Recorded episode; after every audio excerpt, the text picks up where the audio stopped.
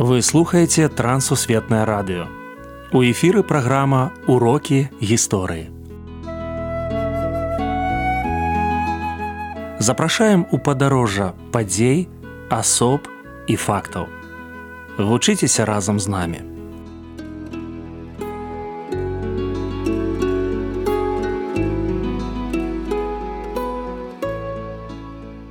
Добры дзень сябры. Перад мікрафонам сяржук брышцель і кандыдат гістарычных навук Андрусь унучак. Сёння мы пагаворым пра пімена панчанку. Прывітанне Андрусь. Прывітанне сяржук, прывітанне шаноўныя слухачы. Прадстаўце калі ласка нашага сённяшняга гістарычнага госця. Это народны паэт беларусі чалавек які выпусціў дзесьці каля 30 паэтычных зборнікаў і які ўвайшоў у гісторыю як рэдактар некалькіх беларускіх часопісаў таких як нёман маладосць які апублікаваў першыя творы васіля быкова і які рабіў рэпартажы з перадавой у час другой сусветнай вайны. І гэты чалавек ён з'яўляецца адным з таких сімвалаў вось той беларусі якая по змагалася з ворагам і той беларусі якая адбудоўвала сваё жыццё у другой палове два стагоддзя. Дзе адбывалася яго асобаснае і літаратурнае сталенне? Ён нарадзіўся ў горадзе рэвель гэта сучасны талін.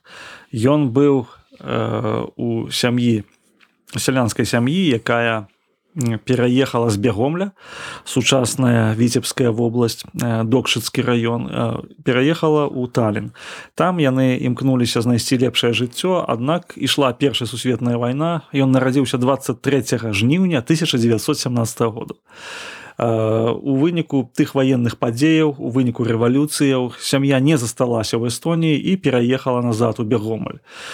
Таму фактычна вось ягонае сталенне адбылося у ўжо ў бегомлі ён там до 16 год жыў а пазней ягоныя бацькі і ён разам з імі пераехалі ў бабруйск.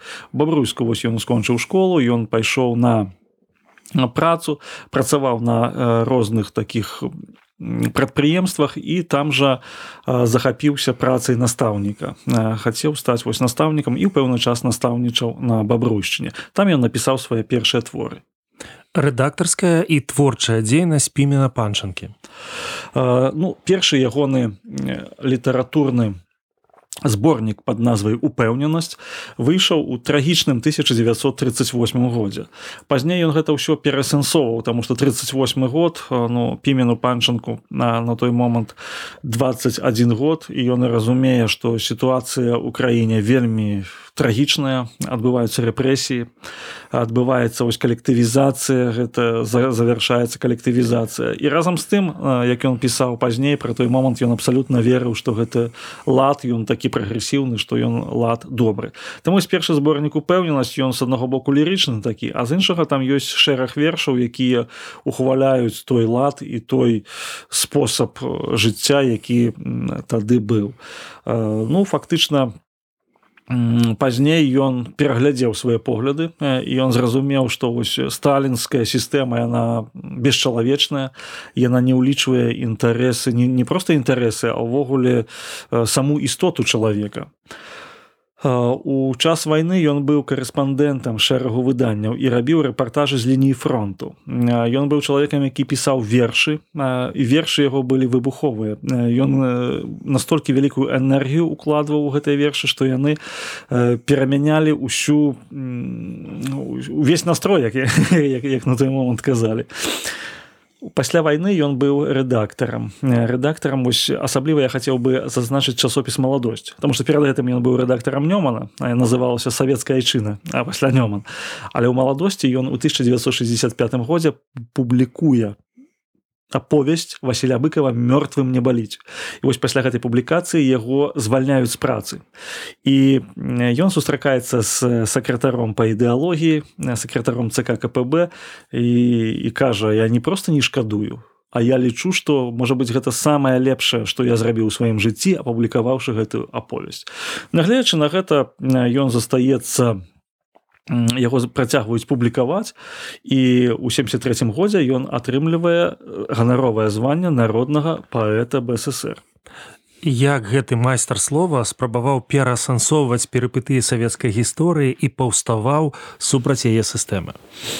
Ну у першую чаргу пра яго успамінаюць што ён быў чалавекам прынцыповым пасля таго як ён апублікаваў аповесць Васіля быкова і не толькі адну яшчэ публікаваў караткевіча напрыклад. Ён публікаваў тых пісьменнікаў якія ну не ўваходзілі ў савецкі такі канон сацыялізму ён быў чалавекам прынцыповым і як пра яго успаміналі ягоныя калегі ён быў рэзкім.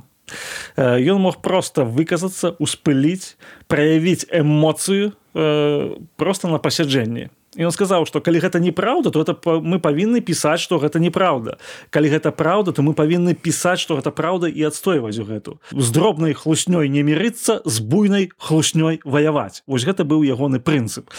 І ён гэта адстойваў усё сваё жыццё нягледзячы на тое что былі пагрозы і для кар'еры і гэтак далей. І плюс ён падтрымліваў тых людзей якія на яго думку адстойвалі прынцыпы праўды справядлівасці творы пімена панчанкі якія б вы аднеслі да залатога фонду беларускай літаратуры. У першую чаргу гэта творы прысвечаныя роднай мове. Таму што 70-е гады 80-е гады гэта перыяд русіфікацыі. Ён піша пра родную мову вельмі такія прачулыя вершы такія. Плачу я ці пяю ці размаўляю з матуляю мову маю песню маю я да грудзей прытульваю вось гэты цыкл прысвечаны роднай мове ён настолькі моцны настолькі прачулы што я бы рэкамендаваў усім яго прачытаць. Цікавыя факты з біяграфіі нашага героя Ён пэўны час жыў у Іране два гады з 1944 до 1946 году. І ён стварыў такі іранскі дзённік. Гэта паэтычны беларускі іранскі дзённік. Можа быть найлепшыя узоры такой беларускай і разам з тым вось усходняй паэзіі. Ён зразумеў ён быў у савецкай вось такой военно-дыпламатычнай місіі. Ён разумеў вось гэтые заканчэння другой сусветнай войны ўсе гэтыя перепіты але ён можа быць найбольш праявіў любоў сваю да беларусі менавіта там у іране як успаміналі ягоныя унукі ён любіў глядзець на збожжа. Его пыталіся як наражаюцца ваши вершы? Ён казаў что вот калі я быў у іране я думаў пра беларускае поле жытняе. І калі ён вярнуўся сюды ў Беларусь Э, перад тым як пачаць пісаць свае найбуйнейшыя вершы быў такі верх ну, паэма такая э, паэма гневу і сораму дзе ён казаў што пакаяцца трэба многім хто хваліў савецкі лад. Ён казаў што э, пра яго казалі ён выходзіў і глядзеў на жытнае поле. Доўга мог некалькі гадзін. І пасля гэта пачынаў пісаць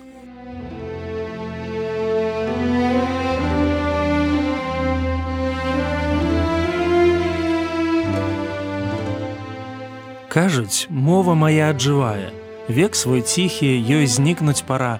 Для мяне ж яна вечна жывая як краса як сляза як зара.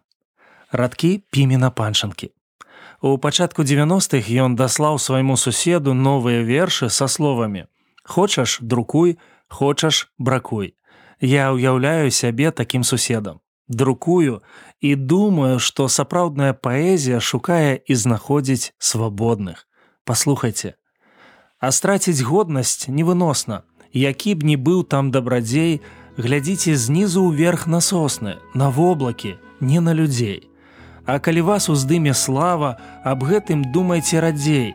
Глядзіце зверху ўніз на травы ці на ваду не на людзей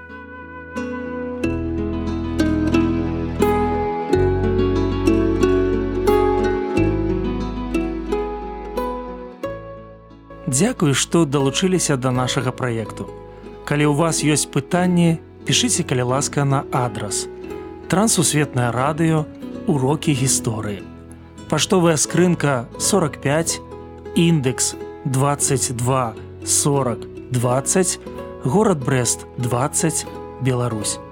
Пакідаю для сувязі электронную пошту rmtwr кропка бівай, собачка gmail.com Шукайце нас на сайте twr.fm.